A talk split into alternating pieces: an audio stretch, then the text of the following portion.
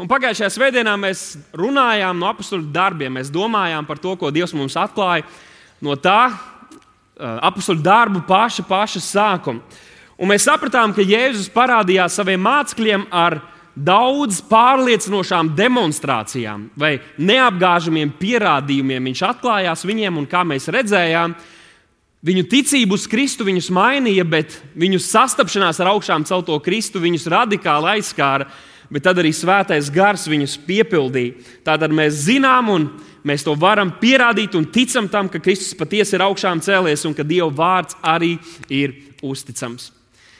Un tad Lūka ko viņ, viņš raksta šim vīram, kur vārds ir Teofils, viņš raksta par šīm lietām, bet tad viņš arī citēja un stāstīja par to, ko Jēzus bija teicis saviem mācekļiem. Viņš teica, vēl palieciet Jeruzalemē, jo jūs sagaidīsiet tēva apsolījumu.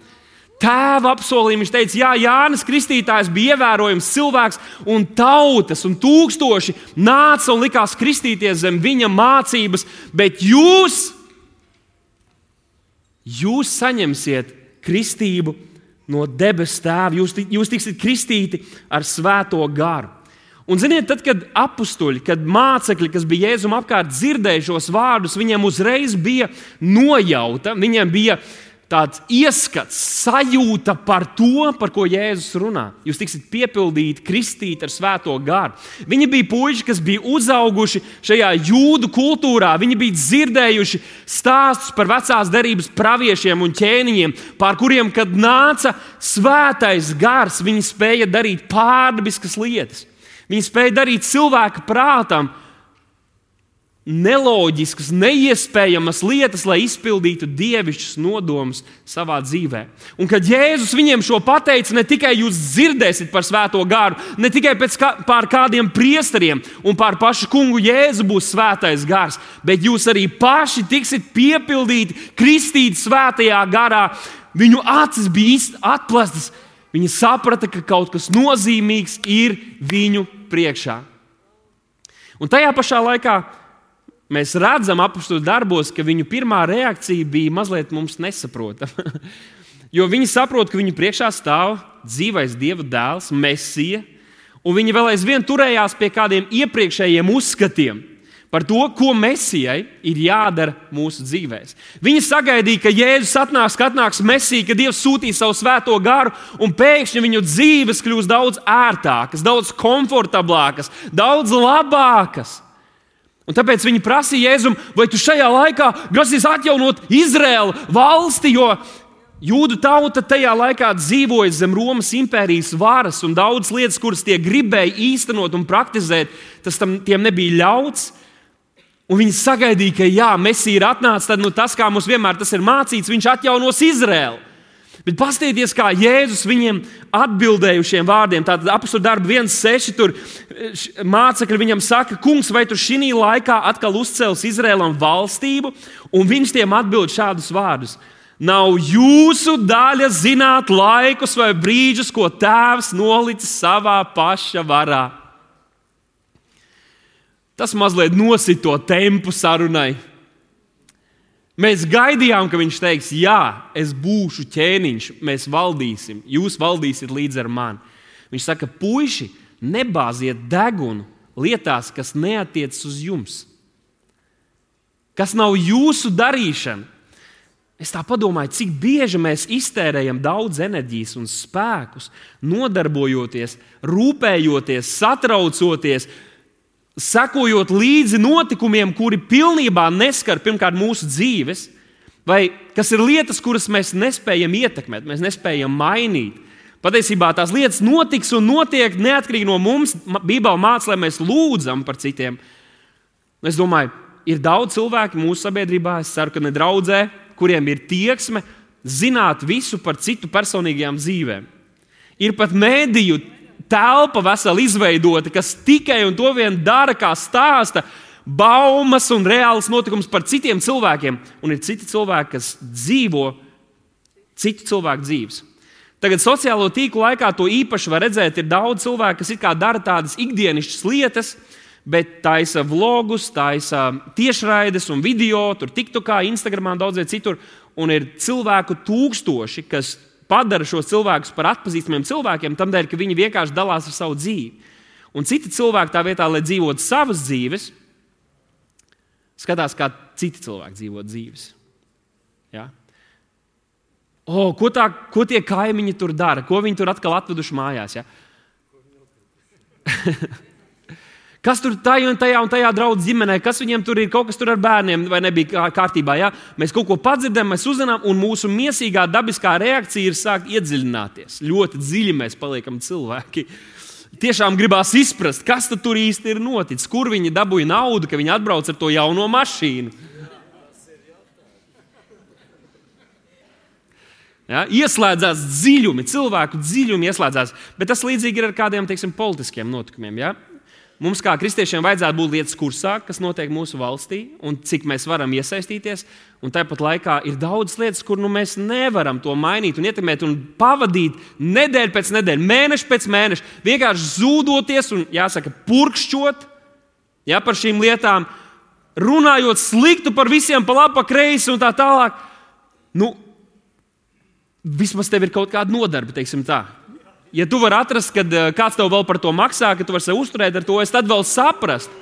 Jā, tu uztaisīji savu YouTube kanālu kaut ko, un tad cilvēki sponsorē tevi. Tu esi tagad uh, viedokļa līderis, teiksim, tā eksperts. Jā. Varbūt tev aicinās uz sarunu šoviem. Bet, ja tu mājās to dari ar savu sievu vai kaimiņu onkuli pār žogu, vai tā nav izšķērdēta iespēja, vai tas nav izšķērdēts laiks, mēs tik daudz rūpējamies, zūdamies par lietām, kuras mēs nevaram, nevaram ietekmēt. Un tas ir tas, par ko mācekļi šeit domā. Jau augstākos līmeņos viņi grib jau sākt kustināt politiskos līderus. Es zinu, ka mūsu valstī arī ir bijuši kādi, kas tur ir atcēluši kādus politiķus un ko tur vēl. Un tie vēl aizvien sēž savos kabinetos. Paskatieties, ko Jēzus šeit viņiem pasaka. Viņš saka, nav jūsu daļa zināt šīs lietas ko Tēvs ir pats nolicis savā varā, savā ziņā. Nav, zināt, nav jūsu daļa zināt šos laikus un brīžus. Un tas ļoti labi saskana ar apakstu darbu 17. nodaļu, kur Pāvils, atrodoties Atēnās, viņš redz šo dievu, kurš ir rakstīts nezināmais dievs, un viņš atrod to kā iespēju, lai sludinātu evaņģēlīju citiem. Un tad viņš saka šo. Nu, nu, tiešām spēcīgos vārdus. Viņš saka, ka tas ir Dievs, kas ir licis visām tautām celties no vienām asinīm un dzīvot pa visu zemes virsmu un nospraudis noteiktus laikus un robežas, kur tiem dzīvot, lai ko darītu lai tie būtu bagāti, lai viņi uztaisītu biznesu. Tas var arī izrietēt no tā, lai viņi kļūtu par influenceriem, lai viņi kļūtu par populāriem cilvēkiem. Nē, to šī pasaule grib parādīt, ka tas ir mūsu dzīves mērķis, kļūt par cilvēku, par, kurš nevar aiziet uz lielveikalu, ja, kad visi jau skatās, atkal viņš ir atnācis un tā tālāk. Ja. Tas ir tas, ko pasaule cenšas mums parādīt, kā mūsu dzīves mērķis šajā laikā, kas mums ir jāīsteno. Bet Bībele saka, ka Dievs ir devis šos laikus un robežas, lai mēs meklētu Dievu. Vai tie viņu varētu nojaust un atrast, jeb viņš nav tālu nevienam no mums. Mums ir laiks, lai mēs meklētu Dievu, lai mēs tuvotos Viņam. Laiki un robežas, un tā vietā, lai mēs šo laiku izmantotu, zenoties un meklējot lietas, kuras nav tās, kuras Dievs, mūsu radītājs, ir nolicis mūsu priekšā. Labākā lieta, ko mēs varam darīt, ir tiešām darīt, meklēt, tuvoties Viņam, tuvoties mūsu Dievam tuvoties, vēlēties atzīt, iepazīt viņu. Un no vienas puses, jāsaka, jā, kāds cilvēks saka, kad es atradu Dievu, nu, Dievs nekad nebija paslēpies. Diev, Dievs jau nav nu, kaut kā tur aiz trešā koka, tur tajā meža būdiņā viņš slēpjas, un tikai dažreiz viņu var atrast. Un tāpat laikā tas ir kaut kas īpašs, kad cilvēks izvēlas ne tikai nojaust un zināt, ka Dievs ir, bet viņš saka, es gribu uzzināt, es gribu vairāk. Es esmu runājis ar cilvēkiem, un es esmu bijis pārsteigts, kuri it kā tic augstākam spēkam, bet es saku, bet ja tas augstākais spēks ir gribējis sevi atklāt, ja viņš grib kaut kā komunicēt, un tu jau viņam tici, vai nebūtu vērts vismaz izpētīt, vismaz dot sev iespēju, ja nu viņš sevi grib atklāt tev. Un cilvēki ir vienaldzīgi. Ļoti daudz cilvēku ir vienaldzīgi, jo viņi labāk vēlas dzīvot savā tumsā.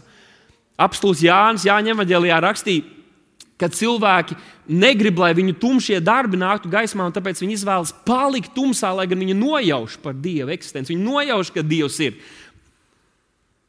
Bībeli pat saka, ka nevienam nav aizbildinājumi. Dievs katram ir atklājis, katram ir intuitīva šī zināšana, sapratne par to, ka ir kāds augstāks spēks. Un Dievs, Dievs un, un, un Bībele mums māca, ka šis ir laiks, ka mēs dzīvojam, un mēs nezinām tieši cik daudz laika vēl mums ir, kādi ir šie noteiktie laiki un robežas, bet kamēr mums ir laiks, mums ir laiks un pienākums, lai meklētu Dievu. Jēzus teica, kas meklē, tas atradīs, kas klaudzinās, tam taps atvērts. Un, ja tu tiešām gribi piedzīvot to, kurš ir tas augstākais spēks, kurš ir tas, kurš radīs visu šo, kurš piepildīs visu šo ar jēgu, tad ne, tu nevari tur nonākt bez tā, ka tu izvēlēsies viņu meklēt, ka tu izvēlēsies viņam tuvoties. Ir tāds uh, piemērs par grāmatu. Kaut vai mēs to pašu Bībeli varam teikt, vai ne? Ka tev, viņa, tev var būt Bībele, bet ja tu neizvēlies meklēt, rakties iekšā, saistīties ar Bībeli, tad tu neiegūsi, tu neatradīsi to, ko Dievs tur ir sagatavojis, ko Dievs ir sagādājis priekš tevis. Jo tas kļūs vienkārši par, par paliknīti vai kafijai jā, vai kaut ko tamlīdzīgu. Man jāatzīstās, viens no maniem tādiem neveiksmēm šajā gadā ir bijis tas, ka es iesāk, iesākot gadu, es sapratu, ka es gribu arī palasīt kādu grāmatu, kas nav nu, kristīga tikai rakstura. Un es jau sen biju nopircis tādu lielu sējumu ar Dostojevska darbiem. Un es domāju, nu, tā attīstīt arī savu valodu, tā sieva jau vienu izlasīja, un man pienākums arī izlasīt vienu. Bet nu, biedējoši tāda bieza tā grāmata, un man vispār ir noteikums, ka es nelasu nevienu grāmatu, kas ir biezāka par Bībeli arī runājot par kristīgām grāmatām, ziniet, ir tur visādi tur kristiešu autori, kuriem tur ir atklāsmes. Viņus tur Dievs paceļ kaut kādās debesīs no lielas kapja. Viņi var paņemt grāmatu, atklāsmu, kas vēl te nav, ir zemes nav, un viņš tur saraksta lielas atklāsmes. Tad es saku, es to negribu. Ja viņi ir biezāki par Bībeli un viņi nenāk no Bībeles, tad man tas nav vajadzīgs. Un es nosprotu tādu mērķi, es sākšu to Dostojevsku lasīt. Un Sākumā es nezinu, vai jūs esat lasījuši, bet viņi tā ļoti detalizēti tur katrs tiek aprakstīts. Man nepatīk tāda veida grāmatas, man gribās, lai ir saturiski. Un, uh, es sāku, un jāsaka, godīgi, ir pagājušas kādas nedēļas, un es neesmu atradis laiku, lai atkal sēstos vakarā. Un man ir kā motivācija, ir, es gribētu izlasīt, lai es pēc tam varu teikt, teiksim, kādā sarunā ar inteliģentiem cilvēkiem. Jā, kā Dostojevskis teica, stāv rakstīts. Bet man tā grāmata ir, es viņu sen jau nopirku, bet es nekad neesmu meklējis, ko tas autors tur ir gribējis atklāt. Jo varbūt man trūkst motivācijas tādā ziņā. Bet ir kāda grāmata, kur man netrūkst motivācijas. Ir kāda grāmata, kurā es aizvien gribu dziļ, dziļumos iet un meklēt, un pētīt, un pētīt. Un es ticu, ka tas ir tas, ko šeit Bībelē runā attiecībā uz Dievu vārdu, bet arī uz pašu Dievu, kurš grib atklāties saviem bērniem, kurš grib atklāties visiem cilvēkiem, kas vēlas, lai visi nāktu pie grēka nožēlas un atgrieztos. Dievs ir pieejams, viņš nekur neslēpjas, bet cilvēkam ir jābūt. Jāspēj uzdot pareizos jautājumus, un nav jābaidās no tā, ka viņš tiešām ar Dievu arī var satikties. Bet tagad, šajā septītajā pantā, mēs redzam, ka Jēzus viņiem atbild: nebāziet degunu lietās, kas uz jums neatiecas, kuras nav jūsu ziņā, kas nav jūsu varā. Bet tas nebija viss, ko viņš teica. Jo, ja viņš vienkārši būtu pateicis, puiši, beidziet uzdot jautājumus, tas būtu viens. Bet viņš saka, Nerūpējieties par lietām, kas uz jums neatiecas, bet ir kaut kas, kas uz jums attiecās. Un tas ir apstākļu darba pirmā nodaļa, astotais pāns. Un, ja jūs esat mūsu draugs, kā laika, jūs noteikti ar to raksturvietu esat dzīvojuši, to esat lasījuši, esat dzirdējuši. Nu, nevar būt, ka esat palaiduši garām, bet ja nu tomēr lasām visu kopā, apstākļu darba 1,8. Jēzus saka, bet jūs dabūsiet spēku kad svētais gars būs nācis pār jums, un būsit mani liecinieki kā Jeruzalemē, tā visā Jūdejā un Samarijā un līdz pašam pasaules galam. Ir kādi, kas saka, es esmu kristīts ar svēto garu, es gaidu, kad es beidzot tajā Samarijā varēšu būt liecinieks. Kaut kur uz siltajām zemēm, Jūdejā, jā, tur Dievs sūta mani. Varbūt, ka tu esi aicināts pasaules galā, kas ir Latvija. Halleluja! Jūs dabūsiet spēku. Nerūpējieties par lietām, kas jums neatiecas. Ja? Tas ir tēva ziņā, bet jums ir jāzina, ka jūs dabūsiet spēku. Un kādreiz mēs liekam uzsvaru uz spēku, kādreiz mēs liekam uzsvaru uz liecinieku, bet uzsvaru šajā raksturvietā ir svētais gars. Amen. Bet jūs dabūsiet spēku, kad svētais gars būs nācis pār jums. Tas pats svētais gars, es jau pieminēju, tas pats svētais gars, kas nāca pār Simpsonu, kas nāca pār Dāvidu, kas nāca pār praviešiem. Tas pats Dieva svētais gars, kurš ir trīsvienīgais Dievs, trīsvienīgā Dieva trešā persona, kurš vienmēr ir bijis, kurš ir un kurš vienmēr būs, kurš bija klātesošs, kad pasaule tika radīta. Tas pats svētais gars nāks pār jums. Ja es teicu, ka Viņš nāks un ņems māju vietu mūsos. Kad debes Tēvs nāks un mājos mums, un Svētais Gars vienmēr būs ar, kad uh, Jēzus solīja, ka Viņš vienmēr būs ar mums. Kā gan tas ir iespējams? Caur dārgo Svēto Garu. Svētais gars, kurš ir izlietis mūsu sirdīs, kurā mēs arī esam kristīti. Dievs, svētais gars. Tāpēc arī kādā vietā Bībelē saka, tad nu pagodiniet Dievu ar savu miesu. Tādēļ, ka jūs esat svētā gara mājoklis. Lūk, tā ir atklāsme, kurai mums vajadzētu veltīt laiku. Un varbūt kādi par to ir aizmirsuši. Nu, gan, kur gan mēs varam iegūt spēku dzīvot patiesu kristiešu dzīvi? Kāpēc man ir svarīgi dzīvot svētu dzīvi? Vai tad es nevaru tā un tā, vai es nevaru tā, kā gribās? Kā es jūtos.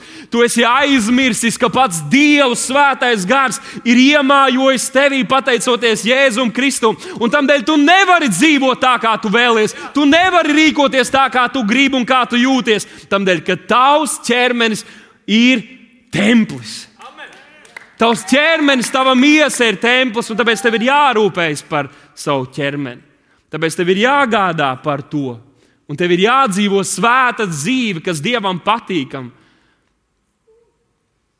Pats Dievs, iedomājieties, svētais gars, dieva gars, dieva klātbūtne, kas agrākos laikos, vecajā derībā, mājoja tikai vissvētākajā vietā, kur cilvēki nevarēja piekļūt.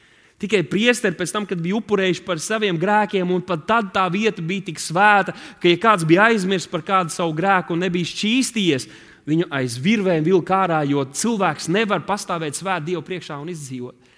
Tas Dievs, svētais gars, viņa tuvums, visa dievu, go, dievišķā godība ir iemājojusi mūsos.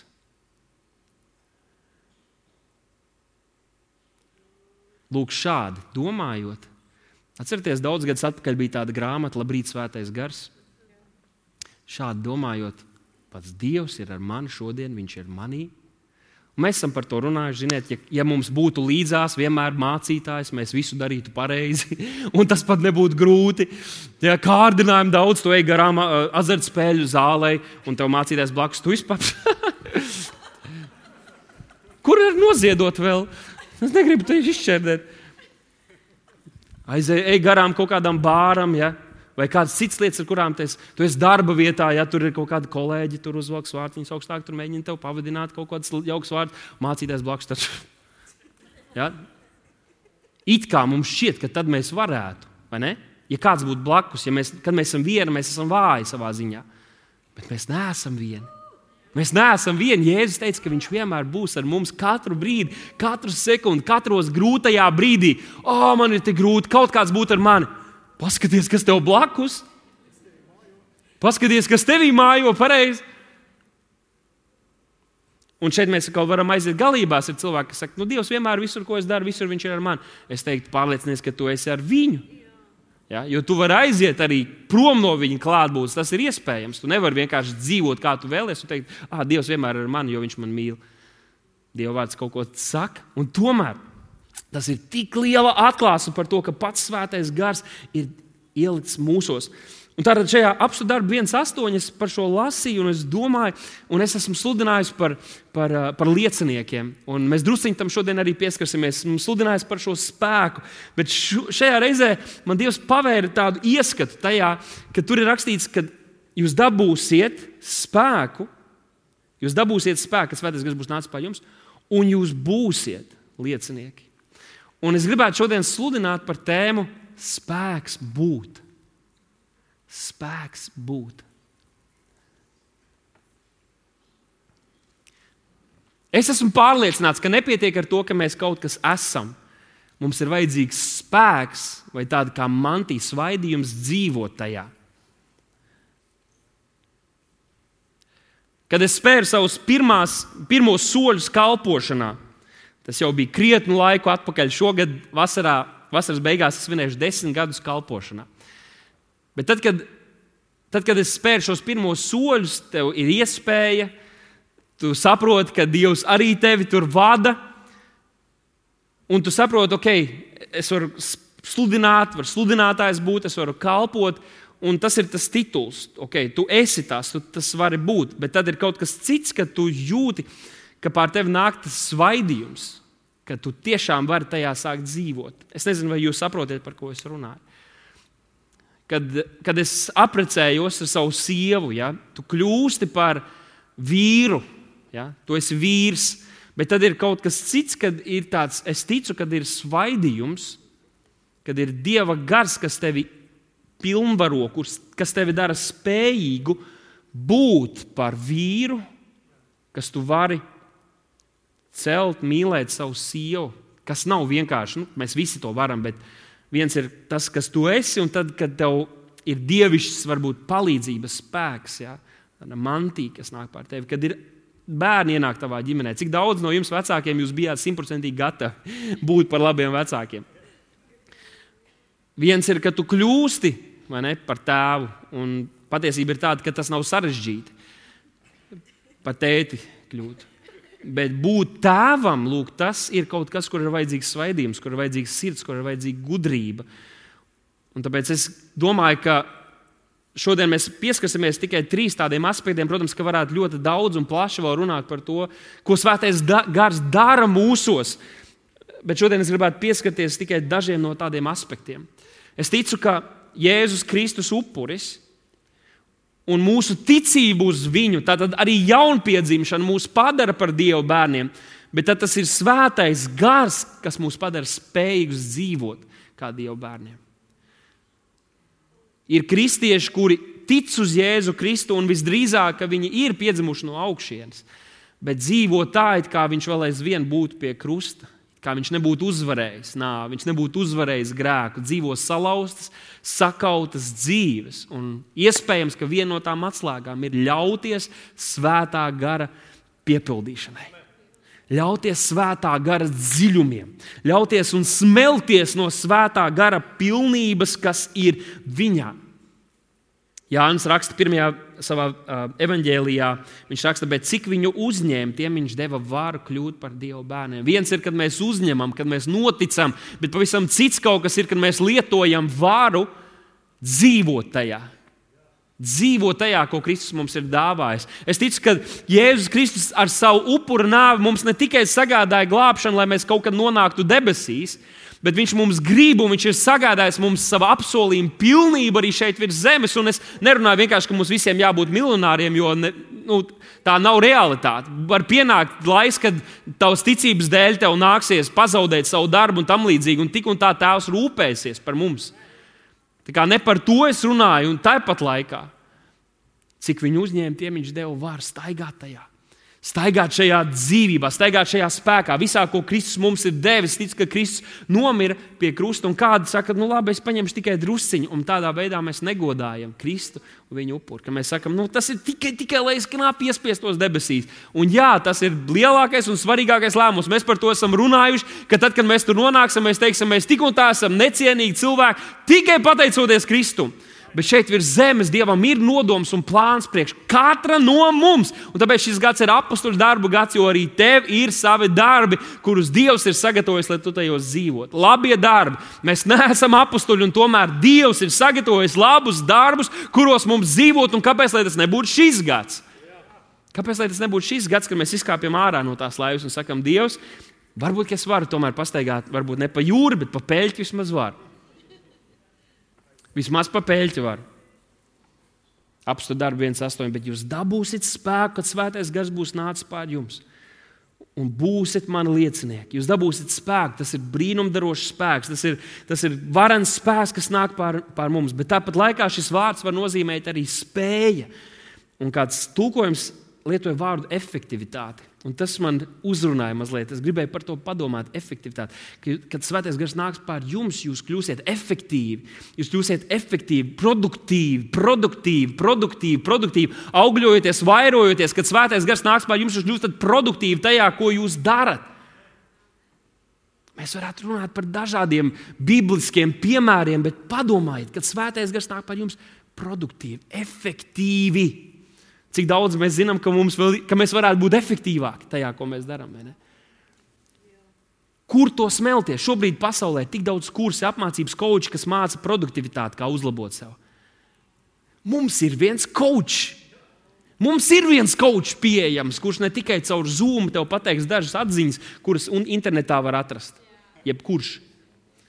Bet mums ir kočs, kurš tev ir blakus katrā brīdī.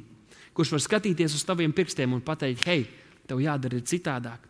Mums ir gudrība pieejama, kur citiem nav pieejama. Viņi var izlasīt šo Bībeli, un viņi neko no tā nesaprot un nesaņem.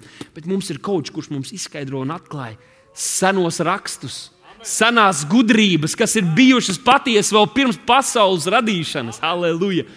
Senā ancient wisdom mums ir senās gudrības pieejams un svētais gars, kurš ir bijis klātesošs, kad tas tika uzrakstīts, kurš tagad mums to izskaidro un dod. Halleluja! Ja tu gribi būt efektīvs savā darba vietā, savā ģimenē, attiecībā uz saviem bērniem, svētais gars ir atslēga. Svētais gars ir atslēga, un šis, draugi, ir svētā gara laikmets, kurā mēs dzīvojam. Un apakstuļu darba laiks turpinās, kamēr svētais gars ir pār draugu, kurš mūs dara spēcīgus, spējīgus un efektīvus būt par Kristus lieciniekiem. Un tāpēc pirmā atziņa, kas ir pamatā visam šim vārdam, ir, ka svētais gars mūs dara spējīgus un spēcīgus būt par dieva pielūdzējiem. Dieva pielūdzējiem. Bet tas taču ir Valtera pienākums. Viņš ir slavētājs, un jums vēl ir slavēšanā kāda, kas saka, ka viņi ir pielūdzēji slavētāji. Tu nezini, ka es parasti sēžu tur tālākajā rindā, vai es skatos tiešraidē. Man ir citas lietas, kas man jādara. Pirmkārt, mēs esam Dieva pielūdzēji. Un svētais gars ir tas, kurš mūs vada pielūgt tēvu. Pielūgt tēvu garā un patiesībā. Svētais gars ir tas, kurš mūs vada pielūgt viņu pielūgt viņu. Ir cilvēki, kuriem ir liels pretenzijas, arī kristieši, kuriem ir pretenzijas par šo vārdu vispār pielūgt. Es jums jau kādreiz esmu sacījis, ir cilvēki, kas saka, es ticu Bībelē, bet man nav nekādu kungu. Ja. Tu vari teikt, es ticu Dievam, bet es nevienu netaisos pielūgt. Tas ir pazemojoši. Tas ir pazemojoši, tāpēc, ka tu nezini, kas tu esi un kas viņš ir. Kas viņš ir. Un kāds prasīs, kāpēc mēs pielūdzam Dievu? Nu, kāpēc mēs pie... Un, kad es runāju par pielūgšanu, es nesaku, ka tā ir dziesmu dziedāšana. Jo dziesmu dziedāšana tā ir daļa, veids, kā izpauž mūsu pielūgsme. Bet mūsu pielūgsme ir mūsu ikdiena. Mūsu pielūgsme ir tas, ko es teicu. Nevis mācītājs ir blakus, bet svētais gars ir mums blakus. Un tad, kad es eju un es saku, ok, Dievs, man ļoti gribās miesā, bet es saku, nē, savai miesai. Es pielūdzu viņu, tāpēc, ka es godāju viņa klātbūtni, es godāju viņa vārdu. Es gribu dzīvot dzīvi, kas viņu svētī, kas viņu iepriecina. Par pielūgsmu mēs varētu dziļi iet tajā, bet kāpēc mēs pielūdzam Dievu? Nu, kāpēc, mēs, kāpēc ir tik svarīgi, ka mēs pielūdzam Dievu? Nu, ļaujiet man jums pateikt. Dievs ir visa radītājs. Ar to it kā pietikt. Viņš ir tas, kurš vienmēr ir bijis, kurš ir tagad un vienmēr būs. Viņš vienmēr ir eksistējis. Un mēs to nespējam saprast, bet viņš vienmēr ir eksistējis. Viņš vienmēr ir bijis. Viņš ir tas, kurš valda. Un viss, kas ir radies, viss, kas pastāv garīgajā telpā, šeit, fiziskajā telpā, ko mēs mācāmies skolās, mācāmies izprast bioloģiju, fiziku un tā tālāk. Ziniet, viņš ir tas, kurš to visu ir nospraudis, tā salīdzis, iedibinājis. Jā. Viņš. Viņš ir Dievs, kurš arī radīja šo mazo planētu Zeme, kur ir tik unikāli veidota, ka te var pastāvēt dzīvība. Un tad ne tikai viņš ir radījis kokus, un dzīvniekus, un mērkaķēnus un tā tālāk, viņš ir radījis cilvēkus, kur Bībele saka, viņš teica, radīsim cilvēku mums līdzīgu. Viņš radīja cilvēkus, viņš radīja radījumus, gluži tādus pašus kā pērtiķis un gliemežs, tā tālāk, bet radījums no pīšļiem veidots, bet viņš tos radīja sev līdzīgus sev līdzīgus. Kā tādus, ar kuriem viņš var būt sadraudzībā. Dievs nestaigās pa dārzu, nepajās žir, žirafes ja, un cūciņas un ar visiem nedraudzējās. Viņš radīja kādus, ar kuriem viņš varēja būt sadraudzībā. Viņš radīja mūs, viņš deva mums varu, bet cilvēks visu sapurgāja. Kā parasti tas notiek. Un ko viņš izdarīja? Viņš pazemojās kļuva par cilvēku, cilvēkam līdzīgs. Viņš pazemojās, nomirdams nāvē, kādā mums bija jāmirst mūsu grēku dēļ. Viņš izcieta sodu, kādu mums bija jācieš. Un trešajā dienā viņš augšām cēlās, dāvājot katram no mums iespēju dzīvot mūžīgi, ideālajā pasaulē, viņa klātbūtnē, baudot viņu. Kāpēc mēs pielūdzam Dievu? Tāpēc, ka Viņš ir Dievs. Tāpēc, ka Viņš ir Dievs. Palasiet vēstures grāmatas, aizbrauciet tagad uz kādām pasaules malām. Tur ir cilvēki, kuri tic, kuriem nav atklāsmes par Dievu. Bet viņi tic augstākam spēkam. Un tad jūs redzēsiet, tur ir cilvēki, kas sev darīja pāri, ir cilvēki, kas lēkāja ap ugunskuriem un visādi zemojās un mēģināja izpelnīties augstāko dievu labvēlību. Tāpēc, ka viņi zināja, tas ir intuitīvi ielikts, ka, ja tu satiec kādu, kas ir dievs, tad tu viņu gribi pielūgt. Ja tu nojaut, ka ir dievs, kuram ir kaut kāda teikšana, ietekme pār tavu dzīvi, tad tu gribi viņu pielūgt. Un tas nākas. Nu, tu vienkārši to instinktīvi, loģiski dari. Tā tas ir ielikts. Ļaujiet mums parādīt paralēli. Mūsu sabiedrībā ir cilvēki, kas ir slavenības, kuriem es jau pieskāros. Piemēram, ir sportisti. Un es esmu redzējis, kur ir cilvēki, kuri gandrīz ģīps, vai eh, pop mūzika, roka mūzika, ja kaut kāda slavenības. Ir cilvēki, kas gandrīz vai ģīps, kad viņi ieraug. Es esmu redzējis, iet viens uh, mesija, viens no visu laiku labākajiem futbola, nu, bumbas zinēja. Viņš skrien pakaļ bumbai un spēr pa bumbu. Un cilvēkiem patīk, ka viņš tik labi māca skriet pakaļ bumbai un spēr pa bumbu. Un es redzēju, es redzēju viņš, viņš iet garām tā, un tur ir tūkstošiem cilvēku. Es redzēju tādu video. Ko viņi tur dara? Tāpēc, ka viņi tik ļoti augstu viņu vērtē, ka viņi gandrīz viņu pielūdz. Ko mēs vērtējam, to mēs pielūdzam. Kāpēc Bībelē ir teikts, uh, viens no Dieva likumiem. Tev nebūs citus dievus turēt manā priekšā. Tādēļ, ka tas ir tas, kas notiek. Arī šodien tu vari būt kristietis, bet pasties, kas ir tas, ko tu pielūdz, ko tu turi augstāk, kas tev ir svarīgāks par Dievu. Paskaties uz to! No otras puses, ja es teicu, augstākais bauslis ir, tev būs Dieva savu kungu mīlēt no visas savas sirds, ar visu dvēseli un ar visu savu prātu. Ne tikai emocionāli, ne tikai ticēt, bet Dievs grib, lai mēs lietojam ar savu prātu, ar savu smadzenes, mēs to iedarbinām un izprotam Dieva vārda dziļumus. Un ir kāda, varbūt, kas pagājušajā svētdienā teica, ka nu, tur pa daudz ir kaut kāds nianses, bet es ticu, ka Dievs jau ekipē un veido arī mūsu izpratni, mūsu saprāšanu, ka mēs varam saprast lietas, lai tas ne tikai ir tāds emocionāls, o, jā, es ticu Dievam, bet es arī saprotu. Atcerieties, sākumā nāk ticība, un pēc tam nāk saprāšana tajās lietās. Mēs dzirdam evaņģēlīju, mēs piedzimstam no augšas, mēs ticam, ka Jēzus ir augšām cēlies. Un tad tie argumenti mums sāk salikties kopā, un mēs sākam saprast lietas. Tas nestrādā otrādi. Es nevienu nevaru pārliecināt, reku 3, 5, 6, 7 argumenti, kāpēc Jēzus ir augšām cēlies. Neviens tam dēļ no jauna nevar piedzimt. Atcerieties, tie, tie, tie seši iemesli, kādēļ eh, mēs ticam, ka Dieva vārds ir eh, gari iedvests. Jā, pirmais bija piepildījušies pravietojumi, otrais bija vienotais sižets, trešais bija lielie jautājumi, ceturtais bija vēsturiskie notikumi, pārbiskie vēsturiskie notikumi, piektais bija mainītas dzīves, un sastais bija uh, neiznīcināmība. Jā. Dieva vārds nav iznīcināts cauri visiem šiem gadiem. Mēs varētu minēt vēl daudz un dažādus piemērus. Pagaidām, mēs vispār runājām par Dievu pielūgšanu. Aleluja! Svētais gars mūs dara spējīgus būt par Dieva pielūdzējiem, būt par Dieva pielūdzējiem. Svētais gars, kurš ir mūžīgi bijis sadraudzībā ar to kungu. Tad, kad viņš ienāk mūsos, šīs attiecības un saikne viņam ar tēvu un ar kungu Jēzu nepārtrūkst. Un tādēļ, tad, kad viņš ir mūsos, tad viņš vada mūs pielūgt, viņš vada mūs tuvoties, viņš vada mūs atzīt un piedzīvot viņu. Dievs ir uzticams. Bībeli saka, Viņš mūs ir aicinājis savā dēla sadraudzībā. Un tas nav citādāk iespējams, kā pielūdzot viņu. Un es zinu, ka ir kādi, kas saka, Jā, tur Jēzus ir mans čoms, un mēs tur esam, te, uh, Dievs ir mans tētuks, un tā tālāk. Un lai katrs vadās pēc savas atklāsmes. Tāpat laikā Dievs nekad nav pārstājis būt Dievs, un mēs nekad neesam pārstājuši būt cilvēki no pīšļiem veidot, kas paļaujas tikai vienīgi uz Dieva žēlstību.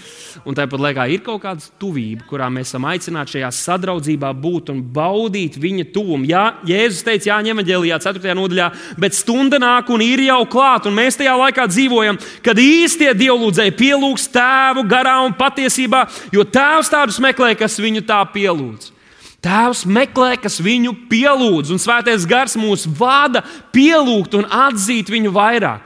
Ja jūs esat lasījuši veco darību, tad jūs būsiet pamanījuši, ka tad, kad kāda no vīriem sastapās vai sievām sastapās ar Dievu, tad viņi krita uz savu vaiga zemē. Tādēļ, ka cilvēks nevar pastāvēt svēt Dievu priekšā. Un jūs zinat, ka Dievs ir tik svēts un tik bijājams, ka viņš ir pelnījis visu godu un visu slāvu. Un tāpēc mēs pielūdzam viņu. Bet kamēr Bībele saka, ka šis ir laiks, kad mums ir robežas, kurās dzīvojot, meklēt Dievu, Jēzus saka, un Dievs tāpat laikā staigā apkārt un meklē, vai ir kāds, kurš pielūdz, vai ir kāds, kurš meklē, vai ir kāds, kurš grib vairāk, vai ir kāds, kurš grib vairāk manas klātbūtnes. Ne tikai lai apmierinātu, ah, man tur ir vajadzība un tā, bet pašu Dievu. Vai ir kādi, kas meklē? Vai mūsu draudzē ir kādi, kas meklē? Tas ir labi, ka mēs esam svētdienas dievkalpojumā. Tas ir ļoti liels solis. Tas mūs iekustina un darbina, bet kas notiek pa nedēļu? Vai mēs staigājam ar šīm slāpēm, vai mēs staigājam viņa klātbūtnē un esam tie, kas Dievu meklē?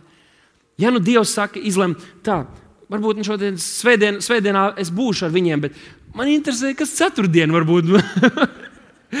kas otrdienas rītā mani meklē? Viņš staigā apkārt, nu, kur ir tie prieka vēstneši? Kur ir kāds? Ah, šis vēl krāts, šis kliedz uz saviem bērniem. Kur ir kādi, kas meklē, kas meklē Dievu, kas meklē Dievu, kas, kas pazemojas viņa priekšā? Ebrejiem 11.6. Jā, rakstīts, bet bez ticības nevar patikt Dievam. Mēs nevaram patikt Dievam, ja mēs neusticamies Viņam. Jo tam, kas pie Dieva griežas, nākas ticēt, ka Viņš ir un ka Viņš tiem, kas viņu meklē, atmaksā. Un atkal šis vārds meklē, bet Dievs nav pazudis. Bet vai tu meklē, vai tu gribi vairāk, vai tu ilgojies pēc Viņa, vai tu vēlies viņu atzīt vairāk? Tad es domāju, ko nozīmē šis vārds atmaksā? Nu, ko viņš atmaksā? Un kāds teiks, tu būsi bagāts un tā tālāk. Un lai Dievs dod, ka mēs varam būt svētīti un bagāti šajā valstī par spīti tam, ko saka ekonomiski, tā tālāk, ka mēs varam finansēt Dieva valstību, darīt daudz labus darbus, lai notiek, lai Dievs dod. Bet es ticu, ka šeit viņš runā par to, ka, ja tu tiešām meklēsi viņu, tad kā viņš atmaksā? Viņš nāk un atklājas tev. Un nav nekā vērtīgāka par to, ja godīgi ka pats Dievs tev atklājas. Jo tu nemeklē tikai, lai viņš apmierina dažas tavas vajadzības, tu meklē viņu.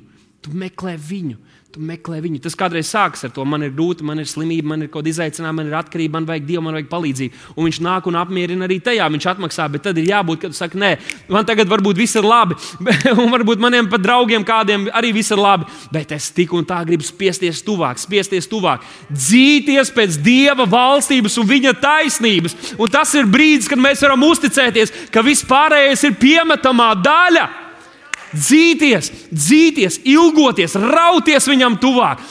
Atstāt šīs zemes pīšus, atstāt šo mīsīgo, staigāt garā, nestaigāt miesā, staigāt garā un dzīties pēc viņa prāta.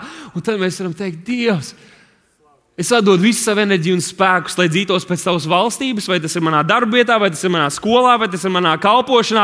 Un es zinu, Dievs, ka tu esi uzticams. Tu atmaksā tiem, kas personīgajā laikā kambarī meklē tevi. Tu atmaksā tad, kad visi redz. Jūs neredzat manus laikus, kad es esmu uz ceļiem Dievu priekšā, kad es lūdzu, kad es gatavojos, kad es, kad es lasu Dievu vārdu. Bet Viņš ir tas, kurš atmaksā tad, kad daudzi redz daudzu priekšā. Halleluja! Ir vērts meklēt, ir vērts pielūgt viņu, ir vērts zemoties viņa priekšā. Tad pirmkārt, svētais gars mūs dara spējīgus būt par Dievu pielūdzējiem. Bet otrai, otrā lieta, ko svētais gars dara mūsos, ir viņš dara mūs spējīgus darīt, būt par lieciniekiem. Viņš dara mūs spējīgus būt par Kristus lieciniekiem. Un par šo es esmu daudz domājis, un Dievs man ir devis arī pašam kādas atklāsmes, kas manu dzīvi ir sakustinājušas. Piemēram, šis vārds liecinieki ir, ir, ir grieķu valodas vārds martis, kas principā nozīmē asins liecinieki, kur šeit Jēzus saka saviem mācekļiem, un, ziniet, būt lieciniekiem. Mācekļiem šī doma, ka būs sev kaut kas jāizliedz, ka būs kaut kādas bēdas, grūtības jāpiedzīvo, viņiem tā nebija sveša. Tad, kad Jēzus viņus aicināja, viņš teica, kas nesako man, kas neņem savu krustu neaizliedz sevi, tas nevar būt mans māceklis. Viņi to jau bija nu, paveikuši. Jā. Bet tas, ko viņi nebija gatavi, kā mēs redzējām, Pētera dzīvē, viņš ar vārdiem teica, ka viņš to var, bet viņš nebija spējīgs atdot savu dzīvi, viņš nebija gatavs riskēt ar savu veselību, ar savu dzīvību Kristus dēļ.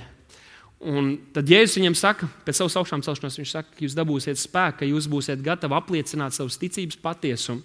Pat ja jums būtu jāiet cauri smagām ciešanām un vardarbīgai nāvei, jūs būsiet spējīgi apliecināt savu ticību uz Jēzu Kristu. Liekas, lūk, tas ir svētā gara zīmogs par mūsu dzīvēm.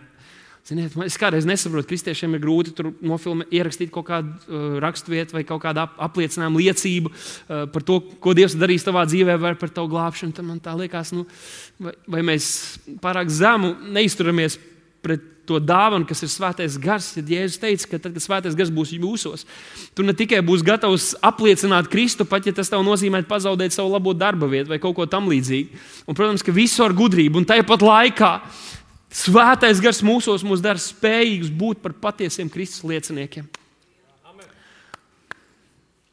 Un, ja, nav kaut, ja tā nav daļa no tavas dzīves, nu, tad ir nopietni jāuzdod jautājumu, vai tu agrākos laikos tāda vīra kā Spērģents un tā teica, ja tu negribi redzēt citus glābtus, tad tu pats neesi glābts. Ja? Viņi tā ļoti radikāli runāja par šīm lietām.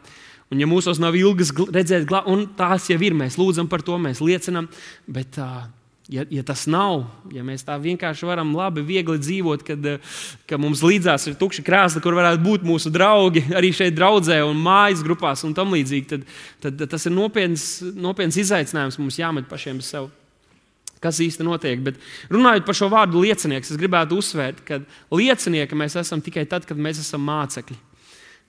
Mēs pirmkārt esam mācekļi, nevis kristieši. Par kristiešiem mūs tikai sāka saukt Antiohijā kristiešu pirmos mācekļus, bet pirmkārt mēs esam mācekļi.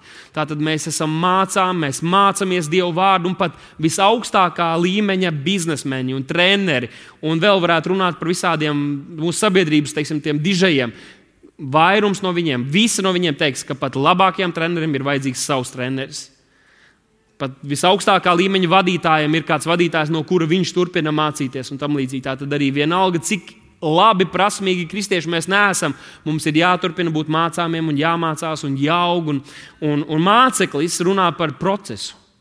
Tas ir process, māceklība ir process. Tas nav viens notikums. Ja? Kādreiz mums liekas, es pieņemu Jēzus, un viss es esmu, un, un tagad vienkārši viss turpināsies dzīve, jo es esmu kristietis. Bet būt par mācekli tas nozīmē iesaistīties procesā iesaistīties attiecībās. Māceklība nenotiek bez attiecībām. Tas grūti ir izdarīt to attēlot, tāpēc mēs aicinām tos, kas esat daļa no draudzes attēlot, iesaistīties. Ja? Veidojam online grupiņas vismaz, kur mēs varam satikties, kur varam runāt, kur varam kalpot un mācekļot.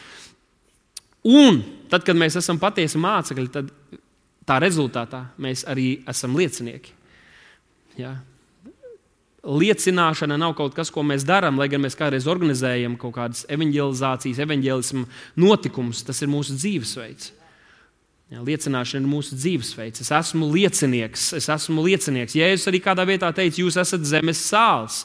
Jūs esat pasaules gaisma, un, ja tu, spī, ja tu esi spuldze, kas tu iedegti, tad tev nav nekā īpaši jācenšas, lai tā gaisma spīdētu. Tu nespīdē, tu vienkārši esi pieslēgts pie elektrības un tu spīdi. Un tas tāpat ir arī mums, kas mēs esam patiesi Kristus mācekļi. Tas ir tas, tas izskatās tā, ka tā ir liecība citiem. Caur, caur mūsu pašu dzīves pārmaiņām, ka Dievs radikāli maina mūsu pašu. Ja, tas nevar tā būt, ka paiet gadi un gadi un gadi un gadi, ka tu esi Bībeles skolā, tu esi draudzē, tu esi mazajās grupās, bet vēl aizvien tu esi vardarbīgs pret sievu, vai sieva nevar godāt savu vīru, vai vēl kaut kādas lietas mēs varētu runāt par visdažādākajām. Ja tu vēl aizvien darba vietā, tu nevari savaldīties. Protams, ka neviens mēs neesam pilnīgs, un tomēr ir jābūt šim procesam progresam, ir jābūt pārmaiņām. Ir jābūt tam, ka mēs padodamies Dieva vārdam, jo Dieva vārds ir pāri visam. Šīs iekšējās, stiprās, radikālās pārmaiņas. Ir statistikas, kas rāda, ka tikai 2% no kristiešiem regulāri dalās ar, savām, ar savu ticību, ar citiem cilvēkiem. Un, uh, lai Dievs pasargā, ja, ka tas tā būtu arī ar mums, tas tā būtu ar, ar, ar mums, jo mēs esam mācekļi, mēs esam liecinieki un svētais gars ir mūsos. Un tādēļ, ka mēs padodamies svētiem garam, mēs arī esam efektīvi liecinieki. Un, zini, ja tu esi aicināts būt par ugunsdzēsēju, ja tas ir tavs darbs, tad tu nevari teikt, ah, es nemāku, es nezinu, kā uzsākt sarunas, ne? es nezinu, kā tieši to šļūteni jāņem, es nezinu, kā tieši tas strādā, es nezinu, ko darīt, kad deg māja un kā es varu. Tu būtu nu, vissliktākais no visiem ugunsdzēsējiem, tu būtu kauna traips, vai ne? Nu, tad, ja mēs esam liecinieki, ja Kristus mūs sūtīja sludināt evaņģēlī, darīt par mācekļiem, un tu, tu, tu sevi attaisno, es nezinu, kā tieši pateikt evaņģēlī. Ja?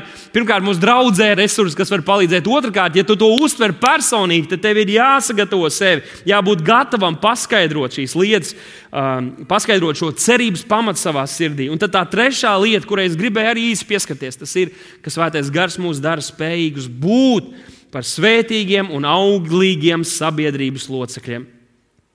Ka mēs nesam pienesumu sabiedrībai, ka sabiedrība, tā valsts, tā tauta, kurā mēs dzīvojam, iegūst no tā, ka mēs esam Kristus sekotāji. Es gribētu uzdrīkstēties teikt tā, ka mūsu valsts ir ārkārtīgi svētīta ar katru cilvēku, kurš uzticas Jēzum Kristum kurš sāk sekot Jēzum Kristum. Ne tikai tam dēļ, ka mēs esam glābti un varam pasludināt arī citiem, bet tam dēļ, ka kristieši ir auglīgi un svētīgi sabiedrības locekļi. Mums tagad nav laika, bet mēs, runāt, mēs varētu runāt par visādiem dažna, dažādiem veidiem, kā kristīgā kustība ietekmē pasauli, ietekmē kultūru, ietekmē izglītību, ietekmē zinātni, ja? ietekmē dažādas sociālās grupas, par kurām tajā laikā neviens nerūpējās, un vēl aizvien tas tieši tādā pat veidā izskatās, kad mēs ticam uz Jēzu Kristu, tad mēs kļūstam par svētību sabiedrībai. Varbūt ne šai politiskajai iekārtai, varbūt ne šai ekonomiskajai iekārtai. Ja? Es esmu dzirdējis tādu apgalvojumu, ka kristieši ir viena no sliktākajiem cilvēkiem priekš bankām, piemēram, tādām lietām, jo mēs nepērkam tosterus uz ātrā kredītu. Ja? Mēs, mēs dzīvojam saskaņā ar Dieva vārdu gudrību. Mūs nevar noķert lamatās, kad mēs kļūtu par vergiem šīs pasaules sistēmai. Un tomēr Jēzus teica, Tēvs, es nelūdzu, lai tu viņus paņem prom no šīs pasaules, bet svētī viņus patiesībā, svētī viņus savā vārdā un ļauj man tev pateikt, dārgais draugs, mēs dzīvojam šajā pasaulē, bet mēs staigājam patiesībā. Mēs staigājam Dieva vārda gaismā, un tādēļ mēs esam par svētību visur, kur mēs esam. Kolosiešiem 3. nodaļā, 23. pantā Pāvils saka, visu, ko darāt, dariet no sirds, it kā savam kungam un ne cilvēkiem. Jo jūs zināt, ka tas kungs par atmaksu jums dos debesu valstību, jūs kalpojat savam kungam. Kristum. Pāvils saka, vienalga, ko jūs darat. Varbūt tu neesi apmierināts ar savu atalgojumu, varbūt tu neesi apmierināts ar darba apstākļiem. Bet, ja reiz tu strādā tajā darba vietā, tad strādā to nevis tā, kā tu strādātu priekš tā sava priekšnieka, vai priekš tās organizācijas, vai pašvaldības, bet dari tur, strādā, nododies, tur esi produktīvs un efektīvs tā, it kā tu strādātu tam kungam. Visu, ko mēs darām, mēs darām tā kā tam kungam, un tāpēc mēs esam labāki Nu, es nevaru teikt, vienmēr, ka mēs esam labākie, bet ļoti bieži es runāju ar kādiem no mūsu draugiem. Pavisam nesen ar kādu māsu, kas teica, uh, nu, es pēdējā gadā esmu uzrādījis labākos rezultātus kompānijā, kurā strādājam. Un, bet es nezinu, vai tā vajag teikt. Un saku, nu, ja tā ir patiesība, tad saka, slavu Dievam. Un vīrs arī piebalsoja. Un uh, ļoti bieži mēs dzirdam šo, jo, ja mēs darām, pirmkārt, tas kungs mūs svētī, otrkārt, mēs darām no visas sirds, mēs ne, neizējām uz kompromisiem, mēs neesam piekukuļojami, mēs stāvam par patiesību, mēs gribam būt par svētību, un līdz ar to sabiedrība ir svētīta. Un es jūs gribu iedrošināt un aicināt šajā nedēļā, kad mēs stāvam uz Dieva vārda apsolījumiem, smelsimies no svētā gara dziļumiem, smelsimies no tā, ko Dieva gars mūsos ir padarījis pieejamu.